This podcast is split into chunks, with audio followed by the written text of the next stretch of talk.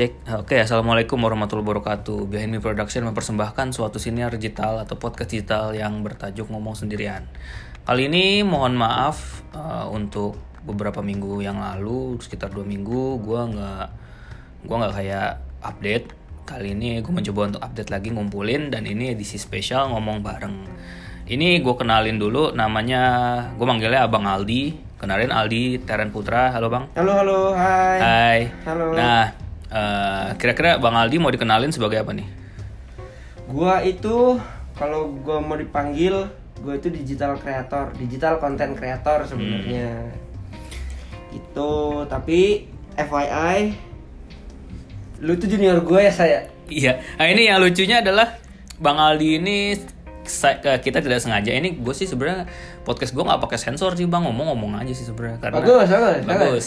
Jadi lu jangan perlu me- apa ya istilahnya kalau Saya gua- suka tidak ada sensor. tidak ada sensor bahkan nama perusahaan sama nama sekolah pun tidak disensor Tapi itu berbahaya. itu berbahaya oke eh, sekolah sih nggak masalah ya Sekolah mah gak masalah lah. Oke, eh, Bang Ali ini ternyata usut menyusut setelah gue masuk di satu perusahaan, setelah gue pindah ke perusahaan berikutnya. Kalau kalian dengerin eh, podcast gue yang sebelumnya, eh, ternyata Bang Aldi ini satu SMA, nggak ya satu SMA sama Satu gue, SMA. yang namanya SMA Negeri 113 Jakarta. Betul. Kita sebutnya Vegas dan lucunya lu IPA ya bang. Gue IPA. Dan lucunya wali kelas lu siapa Bu Murni? Wali kelas gua bukan kelas 1 eh IPA-nya ya? Iya. IPA-nya itu Pak Fajri. Guru fisika. Lo semua yang dengerin ini yang anak Vegas pasti tahu lah. Kalau gue sebutin Pak Fajri, Bu Murni, terus Bu Puji.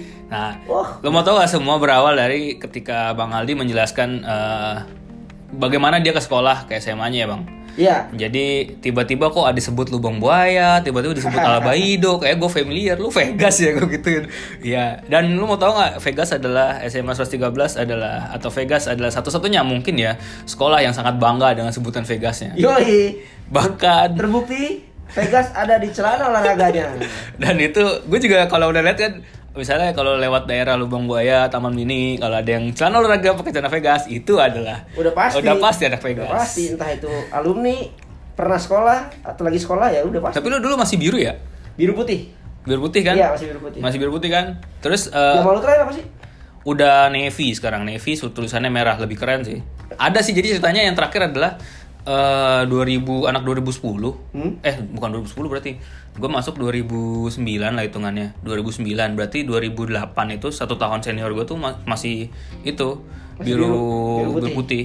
Terus batiknya hijau kan lu? Gue lupa deh. Gue zaman gue pakai batik apa enggak ya? Lupa gue sumpah. Karena kalau gue tahu ternyata Bang Ali ini eh, apa ya? Gue masuk di Vegas itu 2006 kan lu? 2003. Wah, berarti sudah sangat-sangat sangat 2006 senior. lulus. Sudah sangat-sangat senior dan dan pasti mainannya ke daerah Lubang Buaya, ke warteg di sana. Oh iya dong, ada Terus- warung mami di sana. Ada warung mami. Lu ke ini gak sih lu tahu Pop Es Bude gak sih? Yang di sebelah gua nggak tahu, gua nggak tahu. Gua tongkrongan gua nih cuman ke warung mami sama rumahnya. Udah. Dua tongkrongan gua tuh doang. Eh, oh iya. Jadi di Vegas itu adalah dia sangat gue nggak tahu ya pas zaman lu ada apa enggak jadi dia eks bukan ekskul ya kayak mata mata pelajaran tambahan itu ada kayak bahasa asing kan ya? Lu dapat bahasa asing apa? Gua nggak nggak dapet.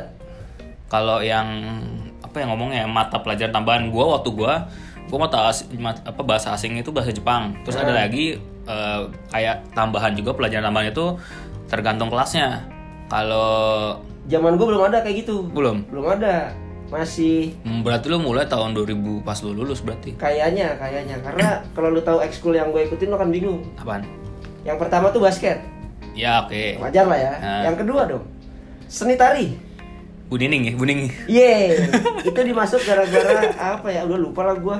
Gara-gara Bu Nining tuh manggil gua. lu nggak ikutan Yospan lu tau Yospan nggak Apaan? jadi ada jadi setelah lo mungkin lo cabut itu Bu Nining bikin grup Hah? tari Yospan itu kayak tradisional Papua jadi gue nggak ngerti Papua atau Indonesia Timur jadi kayak itu bener-bener kayak hype banget orang yang ikut itu kayak orang-orang eksis gitu kayak anak osis segala Kayaknya gua macam nggak ikut deh. Pokoknya terakhir gua ngisi itu pas acara perpisahannya anak angkatan di atas gua nih kalau nggak salah. Sama penerimaan mahasiswa penerimaan siswa baru pas gue kelas 3 Nah terus kalau misalnya ya makanya kalau itu mungkin revolusinya banyak banget ya. Kalau gua abis itu pas lu cabut itu ada eh, guru olahraga lu siapa sih?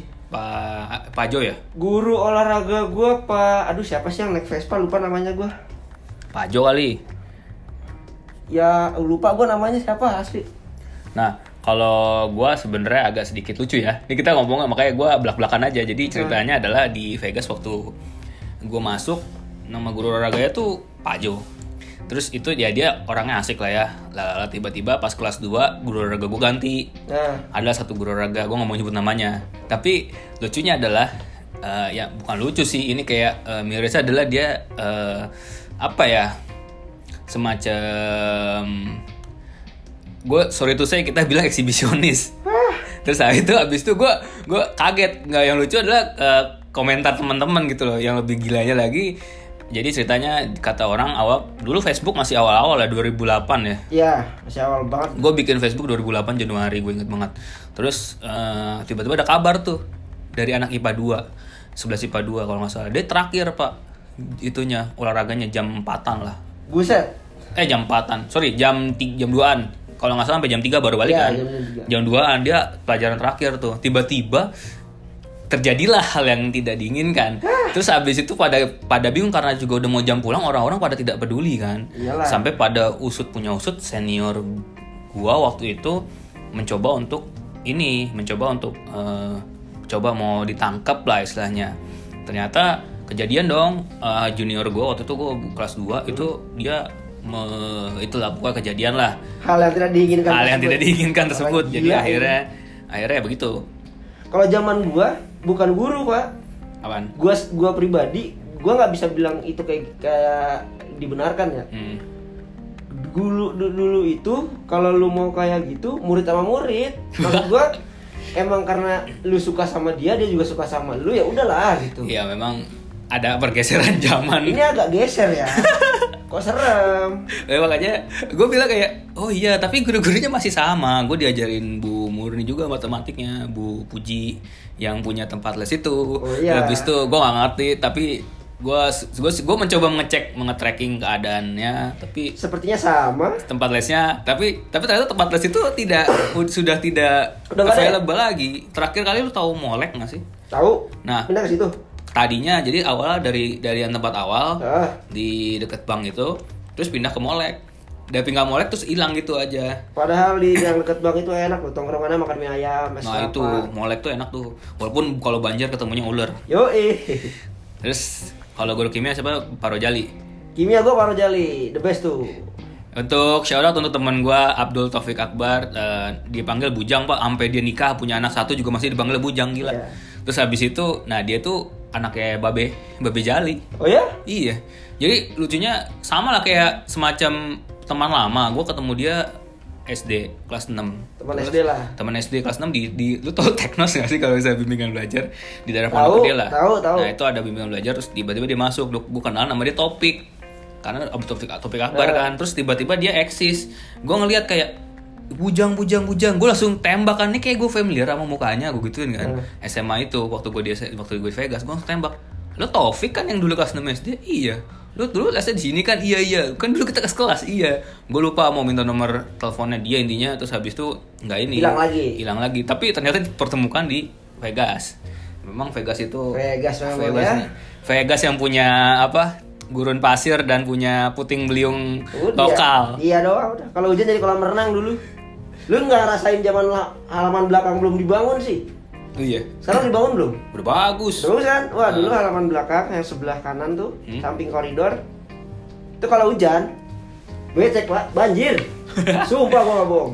gue gue sempet ngalamin ketika ketika gue masuk tahun 2009 itu 9, 2009 itu itu sudah ditanggul pak kelas jadi kalau lo masuk tuh kayak lon- loncat gitu loncat tali Buset. gitu ditanggul dan memang kejadian banjir beneran Kelas lu yang di mana sih? Hah? Kelas lu yang di mana sih? Kan yang tuh. deket lu tahu kan ya kalau kita nyebutnya kandang babi Yang di mana? yang parkiran kan ada lapangan tenis lu ada udah ada belum ya pas lu jadi kan Vegas itu kan bentuknya kan U kayak U tapi U-nya U. Yang kan masjid nih Ini masjid. satu, ini masjid, ini ada, ada L. Mas. Nah, yang di pojokannya. Lu yang di sini. Lab lab biologi lah, lu masih Oh, ada lab biologi, tahu. Nah, itu kan ada parkiran tuh depannya.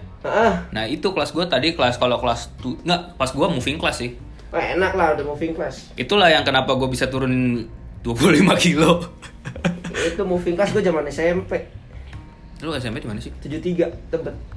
Oh, lu gila juga ya dari SMP situ bisa pindah pindah ke Vegas. SMP gue di 73 cabut karena gue dapat rumah daerah sana masuk di Vegas karena kakak sepupu gue dulu di situ juga Wah, gokil sih kalau misalnya. Gue sebenarnya kalau gue tarik kan juga sepupu-sepupu gue juga balik di Vegas sih. rata-rata tinggal di situ pasti di Vegas Iya, itu gue sorry tuh saya, gue awalnya agak pasrah sih masuk situ pak.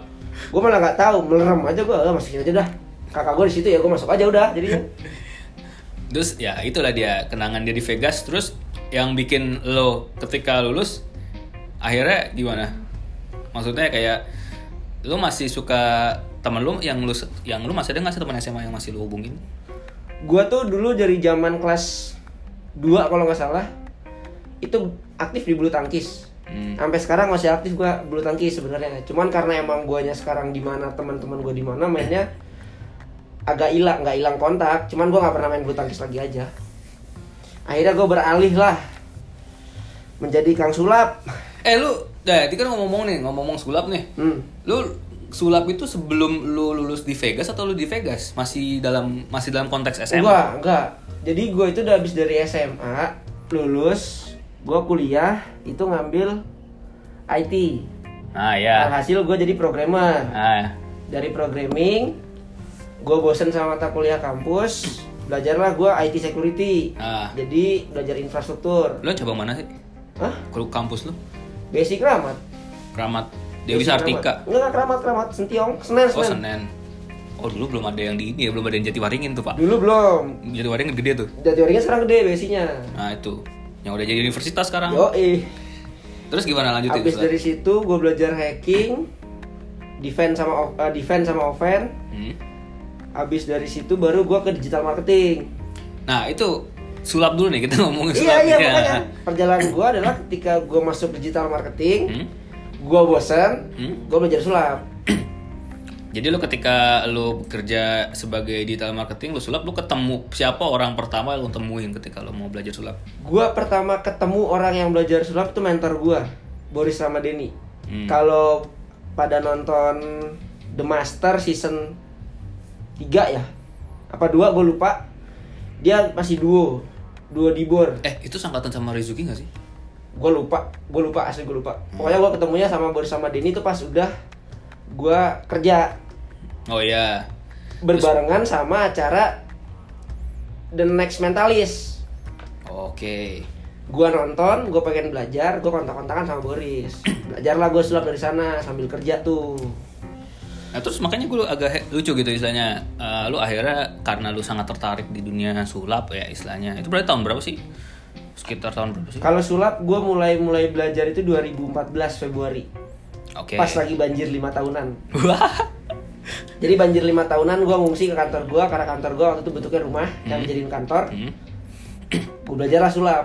Hmm. Terus gua upload ke YouTube.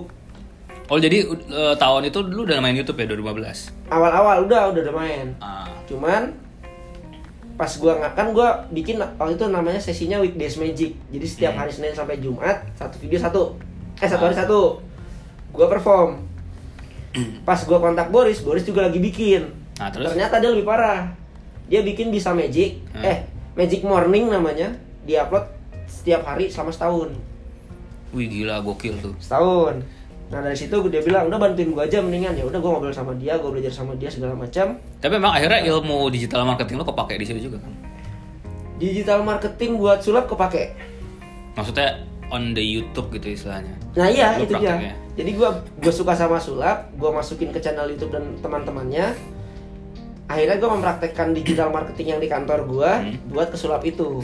For information, eh, nama channel YouTube lo apa? Nama gua Aldi Taran Putra. Alitaran Putra Talent. Ya oke, itu sudah lumayan, sudah 36.500 subscriber. Lumayan gua ngajakin influencer untuk pertama kalinya ngobrol bareng di sini. Lu mau tau gak kenapa gue bikin podcast? Kenapa? Jadi ceritanya adalah gue bukan tipikal yang gue dulu YouTube. Hmm. ada maksudnya di setiap di Google. Jadi gaya gue awal bikin pakai Yahoo ya. Ya. email Yahoo gue tuh ada YouTube-nya pak. Ternyata Oh. gue nggak tidak ternyata kalau misalnya gue harus Yahoo Google balik-balik kayaknya nggak enak capek. Ya udah gue fokus di Google gue akhirnya gue bikin Google akun Google akhirnya gue bikin di YouTube. Lu mau tau nggak di isi YouTube gue awalnya masih cover ya? Kan gue dulu uh, main gitar kan cover terus habis itu segala macam lagu-lagu makin sini gue makin bingung mau diapain saat saat itu sekitar tahun 2013 ah Nah, gue nggak gue tidak tahu tak gue tidak tahu menau maksudnya cuman sekedar orang ngupload video buat apa sih belum Ya, sampai betul. sebum sekarang istilahnya Betul. gitu terus ya udah pada saat dan lu mau tau nggak gue gue gue ngupload video tes gue jualan amplifier dulu Mm-mm.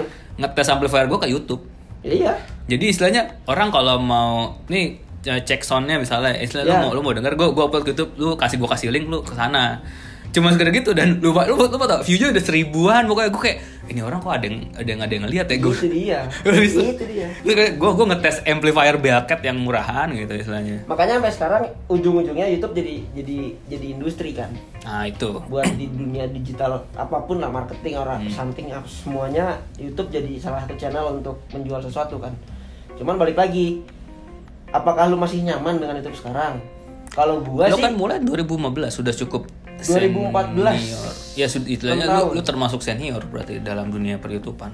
cukup seni enggak ya cukup lama iya tapi ya channelnya karena niche banget ya segitu-segitu aja subscribernya pertumbuhannya tuh lama Nah terus kalau misalnya ke buat konten lo sendiri, Hmm.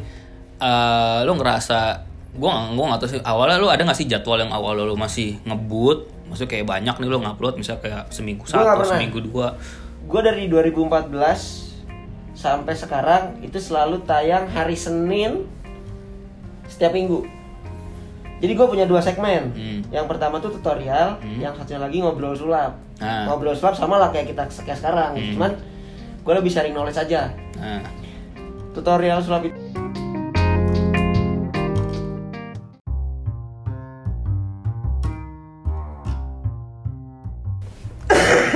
Nah terus eh, ya masa- eh, kalau menurut lu yang apa ya kan awal lu masih masih ada segmen-segmen terus apakah segmen itu masih ada sekarang? Masih masih masih dari 2014 sampai sekarang masih ada. Jadi Senin itu tutorial sulap. Hari Kamis minggu kedua sama keempat itu ngobrol sulap dan itu selalu rutin. Dan lu akhir lu kayak kalau lu nih sebagai digital content creator Nah, eh, kan kita sama hitungannya sama lah masalah Ah. content creator. Lu lebih prefer numpuk konten Hah? atau lu eh, syuting ketika lu mau tayang? kalau dulu gue senang numpuk. Dulu ya awal-awal gue senang numpuk. Cuman kalau sekarang-sekarang ini karena udah bosen juga, ya udah besok mau tayang sekarang gue syuting. Berarti lu awalnya sebelum ke YouTube lu keblokan ya, blogger ya. Jadi Awalnya gue dari blog dulu. hmm. Dari blog nggak lama gedein Twitter. Dari Twitter gue ke Instagram. Instagram baru ke YouTube. Ini kan eh, ini ini langsung dari opini dari seorang digital marketer. Hmm. Gue pengen tahu nih, masalah kan lu dari blog nih. Nah, Eh, menurut lu antara blog blogspot sama WordPress Hmm. apa bedanya? Ah, kenapa lu milih lu pakai WordPress kan ya? gue pakai WordPress self hosting Nah, jadi itu. engine-nya WordPress tapi gue upload ke domain gue dan hosting gue sendiri Hmm. kenapa gue pilih WordPress gue punya juga blogspot cuma dari sisi keenakan untuk sebagai UI-nya tampilan segala macamnya gue lebih suka ke WordPress dibandingkan blogspot. Itulah kenapa gue pakainya WordPress. Gue ya kalau gue juga ada blog, cuman memang blog gue tidak mungkin sudah sudah sudah sudah sekitar dua tahunan tidak update. Itu gue akhirnya migrasi dari blogspot pak, ke? Blogspot ke hosting. ya. Blogspot. Dan ternyata gue ya oke fine. Akhirnya gue menemukan kayak akhirnya gue tidak mengupdate gue cuma ngupdate kayak kan biasa orang-orang ada yang di total dirombak kan ya Iya. istilahnya kayak kalau kita sebutnya Template-nya. template-nya ya kalau gue sekarang udah bingung gitu istilahnya ya udahlah gue pakai fix aja nih bisa buat Musa gitu istilahnya ya udah gue tulis di situ ada gue pakai gue pakai apa gue pisah-pisah nih ini yang tentang gue traveling ini tentang gue apa Kategori, kan? ada kategori gue kategori sendiri Ya, Gitu. ya emang emang kayak gitu. Gue juga blog kalau blog gua itu campur-campur isinya. Random lah, apa pun yang gua alamin gua tulis. Cuman karena gua digital marketing ya gua menerapin SEO tuh kayak gimana sih, tagging segala macam ya gua taruh di situ. Kalau buat di YouTube cuman satu doang gua bahasnya sulap dah. Katanya bini lu juga ke ke- kecantol sama itu juga ya, ngeblogging ya. bini gue juga blog blogger juga dan punya portal sendiri tapi tentang Korea Duluan lu apa? Sorry, uh, bini lu karena lu atau memang dia memang udah? Udah dulu semua? enggak belum. Karena gua duluan sebenarnya. Gua mulai tahu blog dan teman-temannya tuh 2008 Oke. udah mulai nulis segala macam tapi masih bisa dibilang belum pakai domain sendiri lah. Hmm. 2011 gue mulai. Gue lupa bini gue kapan mulai pertama kalinya. Tapi yang pasti dia bikin sendiri.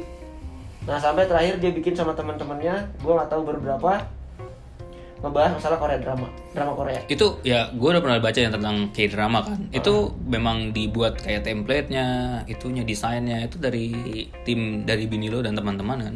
awal awalnya gue yang bantuin setup Hmm. mulai dari template segala macam lalala segala macam lah pokoknya sampai terakhir udah kira-kira udah bisa gue lepas ya gue lepas biarin dia dan timnya yang ngurusin Dan sampai saat ini for information Bang Aldi menerima beberapa tawaran untuk product placement katanya lu belum pernah lu belum berani review ya? Review apa produk di YouTube di kecuali kartu.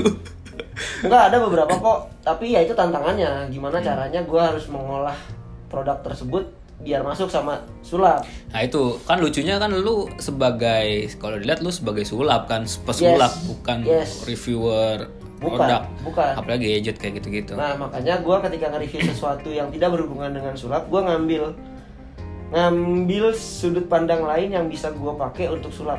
At least dia support gue di sulap. Contoh, ketika gue nge-review handphone, Hmm? yang gue pakai kalkulatornya. Ketika gue dapat earphone, ya gue pakai earphone-nya buat mensulap. Jadi sebisa mungkin habis sebelum gue nge-review atau saat gue nge-review ada relate sama itu. tapi eh, ya tapi memang tidak tidak masalah dengan produknya terus sorry dengan Mereka tahu ketika penawarannya istilahnya. Ketika kontak gue, mereka tahu konsekuensinya kayak gimana dan apa yang akan gue lakuin. Hmm. Jadi gue rasa sih ya output yang keluar dari gue semoga tidak mengecewakan lah. Oke, kita tarik ke belakang nih. Ah. Kenapa lu jadi digital marketer? Apa karena blog atau kayak gimana? Kecemplung gara-gara blog, gara-gara 2011 itu. Dari situ barulah gue belajar apa itu Facebook Ads, apa itu Google Ads, apa itu SEO, apa itu ad placement dan lain-lain. Mundurnya ke sana jadinya gara-gara blog itu. Tapi memang lu mengawali karir lu sebagai programmer kan? Start sekali ya programmer. Ya mungkin kalau nggak salah bahasa-bahasa itu juga banyak yang bahasa programming juga. Makanya kalau gue lihat digital marketer ya, kalau di beberapa vacancy atau lowongan kerja pasti gue kayak ada eh, semacam bahkan sampai SQL juga disebutin di situ. Gue juga agak heran. Terutama ya kalau kalau digital marketing yang berhubungan dengan bahasa-bahasa kayak gitu biasa orang-orang SEO karena ada berhubungan dengan template, coding Nah, dan itu, lain-lain kan. eh. Ya dari situ gue udah udah paham dan gue ya mencoba untuk membangun di blog sendiri. Saya lo mencoba untuk ke sini ya bang, ke belak ke sana istilahnya kayak makin lama makin. Eh, iya. Makanya jadi sebelum di mana pun tempat gue bekerja, blog gue itu pokoknya aset sosial media gue itu adalah lahan uji coba gue sebelum gue terjun. Ini sebenarnya pertanyaan yang ini, yang mungkin yang yang ya gue nggak tahu ya lu coba ini pi- pilihan lo ya. Nah, Lu mending SEO atau call? SEO atau KOL. influencer. Ah, Untuk sekarang, gue mendingan handle influencer karena SEO itu sejujurnya gue sedang ket- ketinggalan untuk dunia website dan blog ya. hmm. Kalau di YouTube gue masih ngikutin, tapi kalau pilihannya SEO sama influencer, gue mendingan influencer lah untuk sekarang. Lalu juga pengalaman lu juga apakah lu lebih baik di megang influencer atau kayak gimana? Gue megang influencer itu 4 sampai 5 tahunan, 4 sampai 6 tahunan gue lupa. Oh. Kalau SEO baru setahun dua tahun terakhir. Selebihnya ya ngurusin yang lain-lainnya. Wah lu udah siap jadi manajer lah. Ya nggak tahu lah pandangan orang mah begitu pandangan orang. Cuman dari dirinya gue sendiri kayaknya gue masih belum mampu untuk ngurusin itu. Cuman ya kalau ada tawaran untuk jadi manajer ya why not? Jadi eh, for information, gua, eh, Bang Aldi adalah senior gue di kantor gue yang sekarang, terus masuk dan ternyata bla bla blanya. Dan gue belajar banget sama dia dengan gimana lo mungkin kalau lo bang kalau dengerin podcast podcast gue yang episode break yang lalu ada sih yang yang semacam apa ya saran kesan pesan gitulah nyari pesan katanya ngebahas tentang pekerjaan segala macam. Dulu kan gue punya bukan punya sih dulu kan gue basicnya adalah di konsultan dan konsultannya ada ya tentang apa ya human resource gitulah Ah. makanya ada sih yang nanya tentang karir segala macam dan lu salah satunya yang buat gue cukup unik walaupun memang satu arah sih dari programming ke digital marketer. Enggak kalau kalau mau ngomong bahasa sekarang ya yang dicari ya semua yang teknis gitu istilahnya. Iya, Ya kan? mostly ya. Minimal Jadi- tahu. Iya maksudnya kayak lo bikin apa ya? Gue bilang kayak eh, sekarang kan banyak banget orang jualan SaaS kan, software as a service kan. iya. Tentunya yang dicari kayak kayak gue orang BD misalnya. Mereka yang jualan SaaS yang software as a service itu mereka dicari ya orang IT, computer Harus science. dituntut harus tahu, minimal Iya. tahu dan bisa menjalankan. Udah itu doang. Dan banyak banget orang pemula startup tuh dari IT, orang. Rata-rata, rata-rata. Itu. Rata-rata. kan karena base-nya itu ya mungkin karena base perusahaannya dari IT atau pengembangan aplikasi teknologi ya Kalau dari sisi gua pribadi sih, kalau kalau mau ngasih saran, hmm? gua nggak tahu entah yang baru-baru apa kayak gimana. Mendingan kalau saran gua, lu coba nyemplung ke satu bidang dulu. Hmm? Ketika udah nyemplung ke satu bidang, lu bakalan nemuin sendiri lu nyamannya di mana. Contoh gua dari programming, gua nggak nggak gitu nyaman lagi karena harus ngejar yang lain. Ya gua pindah. apa yang memutuskan untuk pindah gitu istilahnya Karena nggak dari gua basicnya desktop programming, bukan web. front end bukan? Semuanya front end dan back end. hitungannya lu bisa disebut full stack nggak? Gua nggak tahu cuman waktu itu gua ngerjain kayak lu tahu sistem yang di hotel nggak sih? Pos buat di hotel kan? ah, bos gua ngerjain kayak gitu. Itu gila tuh sakit buat parah emang cuman nah kan itu kan basicnya desktop bukan web base kan? Hmm. nah ketika gua ngeliat masa depan desktop udah nggak meyakinkan gua mau nggak mau harus loncat ke web base dan gua harus belajar dari nol. Daripada gua belajar dari nol mendingan gua cari yang lain. Sama-sama dari nol juga kan? Dan akhirnya lu menemukan blog dan digital Iya. marketing itu. Betul.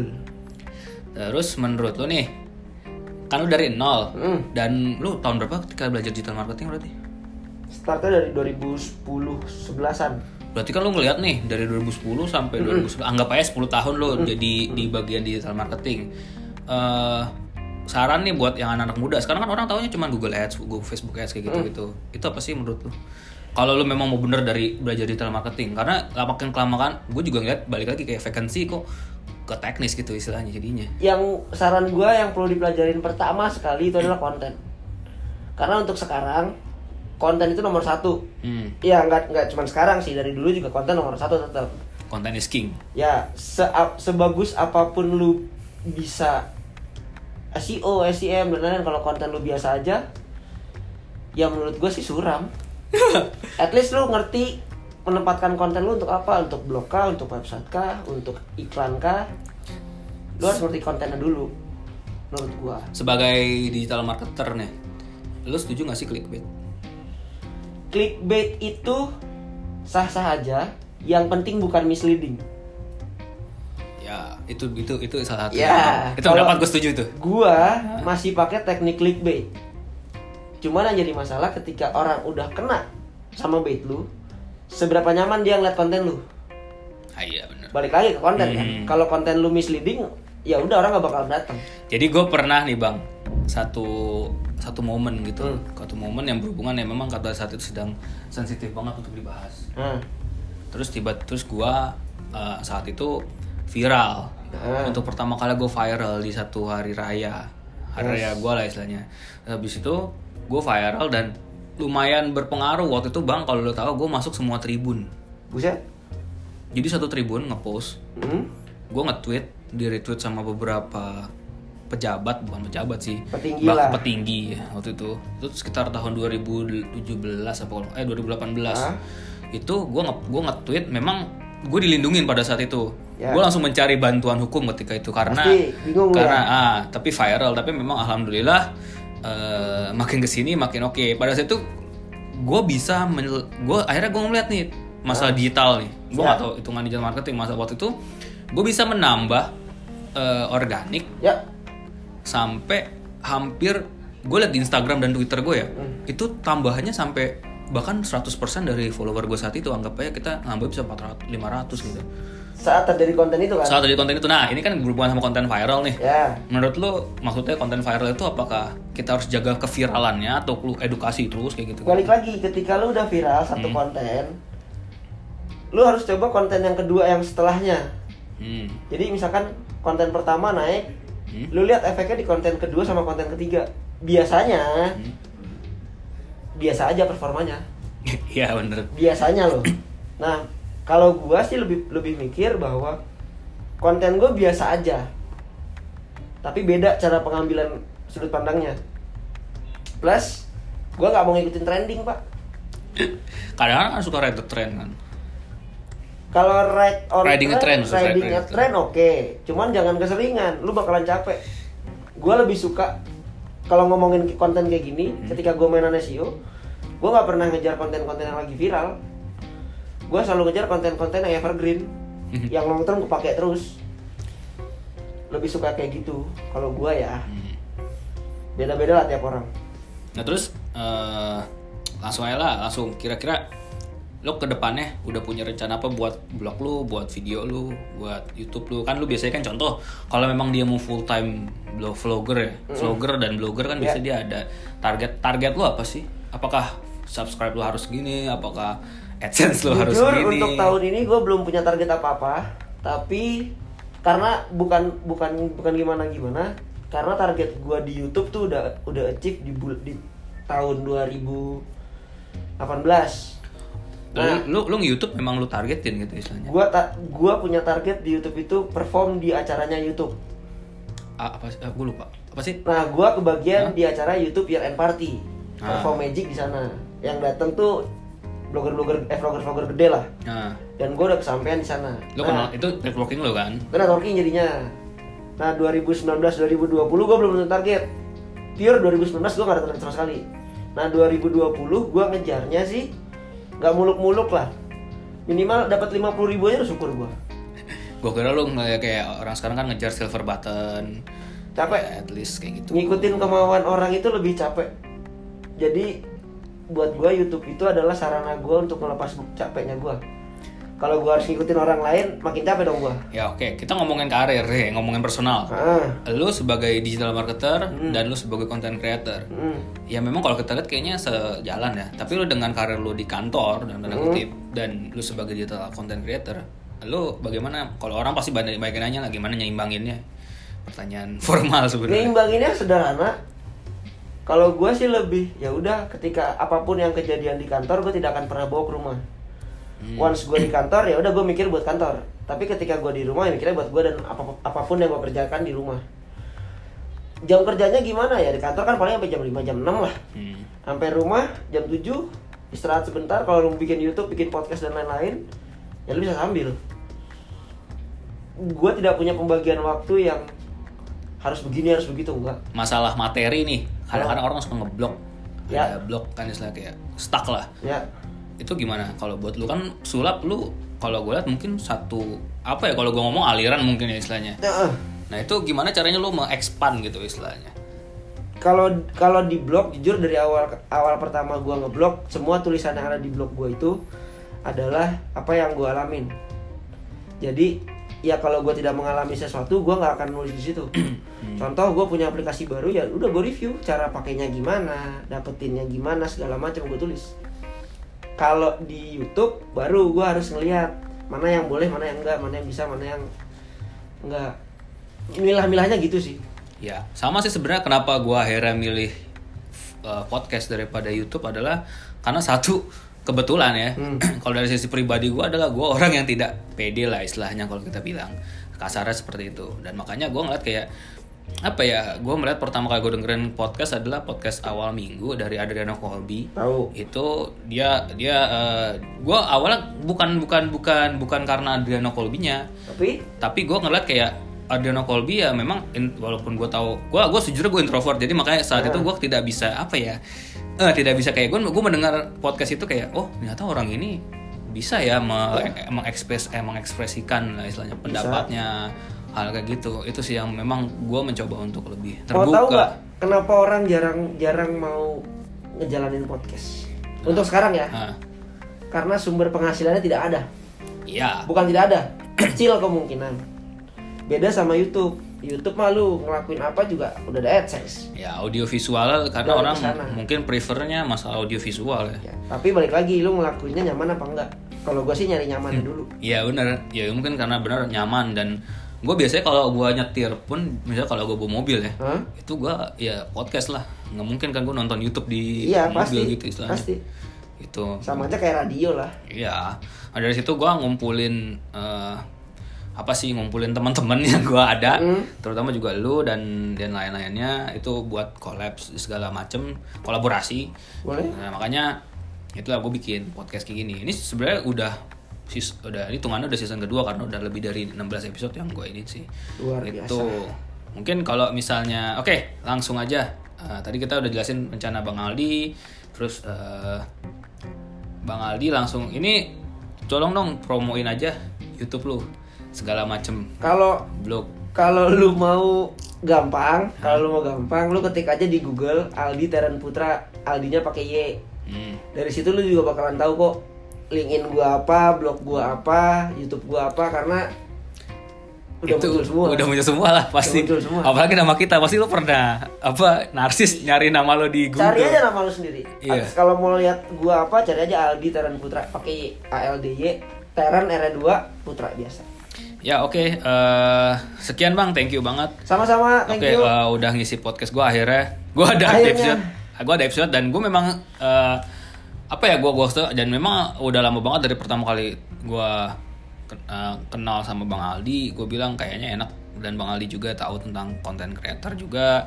Dan gue kayak kayak enak gue podcast dan maksudnya kayak kom- eh, kolaborasi dan memang gue punya rencana nih bang. Gue ngumpulin lebih mungkin lebih banyak ngomong bareng lah ngobrol bareng sama teman-teman mungkin tentang apa pun gitu istilahnya yang gue tahu dia yang yang punya apa ya pengaruh lah di dunianya Waduh. waduh Waduh. waduh makanya gue bilang nggak apa-apa semoga rezeki kita lancar bang Mantap. Ah, mantap Amin. oke thank you buat bang Aldi Eh, Sama-sama, untuk thank you, yang Mus. punya kesan pesan langsung aja di email behind me production at gmail.com atau mungkin bisa PM Instagram gue di at Yusuf Musa Eh, terima kasih untuk yang ngedengerin Eh, sekian mohon maaf apabila ada yang salah wassalamualaikum warahmatullahi wabarakatuh Waalaikumsalam. Lalu tag ke gue ya di IG ya.